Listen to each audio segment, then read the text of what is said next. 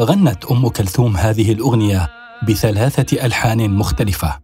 الأولى كانت ألحان عبد الحاملي عام 1926 والثانية ألحان الشيخ أحمد زكريا عام 1942 والثالثة ألحان رياض الصنباطي عام 1965 وهذا اللحن الأخير هو الذي بقي مسموعا حتى اليوم. كما غناها مطربون آخرون كثر.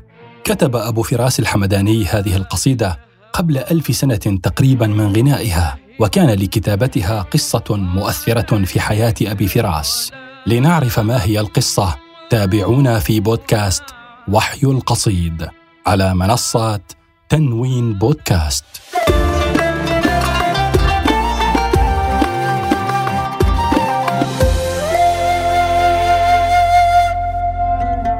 في يوم من أيام شوال عام 351 للهجرة 962 للميلاد كان الحارث بن سعيد بن حمدان المعروف باسم أبي فراس الحمداني عائدا مع مجموعة من رجاله من الصيد إلى منبج التي كان واليا عليها شمال شرقي حلب. فلقي في طريقه كتيبة للروم بقيادة تيودور. فواجهها في معركة ورغم أنه لم يكن مهيئا لخوض معركة إلا أنه قاتل بسيفه حتى أصيب بسهم دخل في فخذه وبقي النصل داخل جسده واقتيد اسيرا إلى قسطنطينية. تقول رواية أخرى أن أبا فراس اعتقل مرة قبلها سنة 348 للهجرة واقتيد إلى خرشنة. وبنيت عليها أسطورة لهروبه بحصانه وسقوطه من أعلى الحصن في نهر الفرات ونجاته من الأسر. ولكن هناك خلافات بين المؤرخين في صحة هذه الرواية. أما قصة اعتقاله المثبتة فحين اقتيد أبو فراس بداية إلى خرشنة ومنها إلى قسطنطينية كان ابن أخت ملك الروم اسيرا عند سيف الدولة. فطلب من أبي فراس مراسلة ابن عمه لفداء خاص أي أن يفك اسر أبي فراس بابن أخت ملك الروم. لكن سيف الدولة رفض ذلك إلا بفك عام لكل الجنود الحمدانيين المعتقلين لدى الروم. ويقال أنه رفض ذلك لشعوره أن مكانة أبي فراس تتعاظم. فخاف أن يكون في نفسه الوصول إلى الحكم ففضل أن يبقى في الأسر أكثر ليريه بأن الدولة غنية عنه وأن النصر يتم دونه.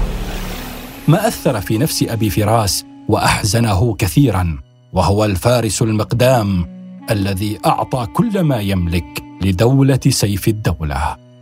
بقي أبو فراس اسيرا مدة أربعة أعوام في سجن قسطنطينية إلى أن حصلت مبادلة كبيرة بين الحمدانيين والروم خرج فيها أبو فراس وكتب خلال هذه السنوات قصائده الرومية. واحدة من هذه القصائد وأشهرها كانت أراك عصي الدمع والتي يظهر فيها عزة نفس الفارس وشجاعته وقوته وقال فيها أراك عصي الدمع شيمتك الصبر أما للهوى نهي عليك ولا أمر. بلى أنا مشتاق وعندي لوعة ولكن مثلي لا يذاع له سر. إذا الليل أضواني بسطت يد الهوى وأذللت دمعا من خلائقه الكبر. تكاد تضيء النار بين جوانحي إذا هي أذكتها الصبابة والفكر. حفظت وضيعت المودة بيننا وأحسن من بعض الوفاء لك الغدر.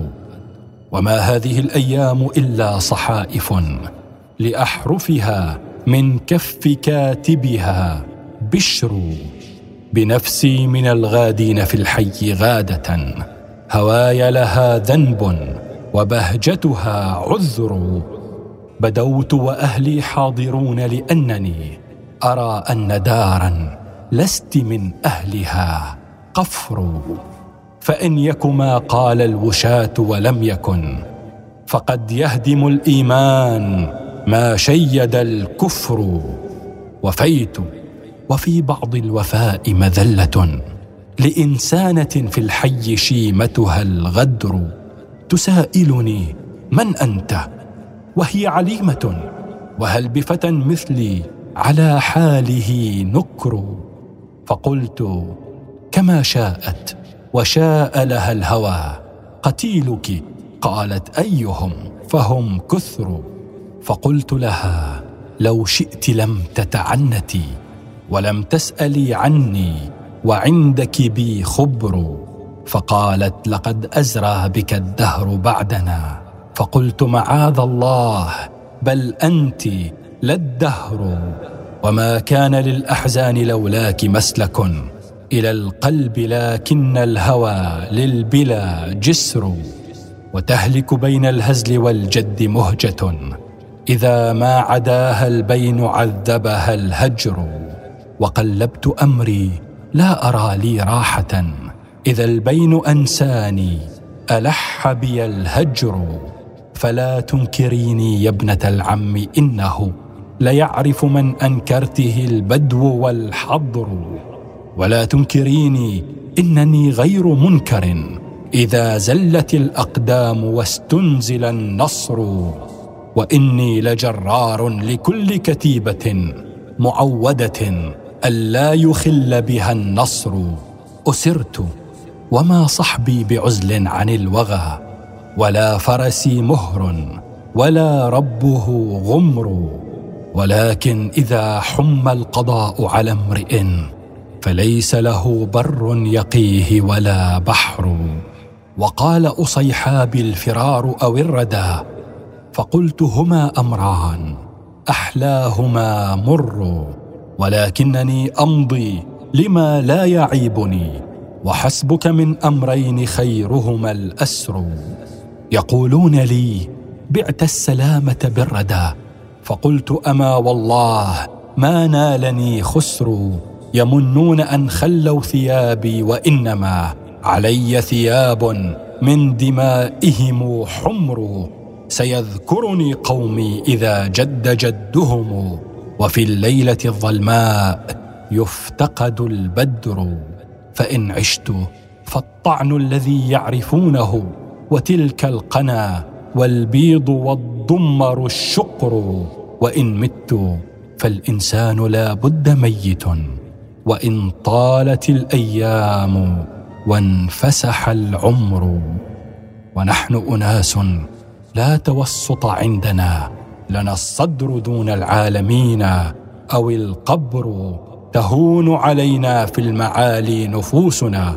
ومن خطب الحسناء لم يغلها المهر أعز بني الدنيا.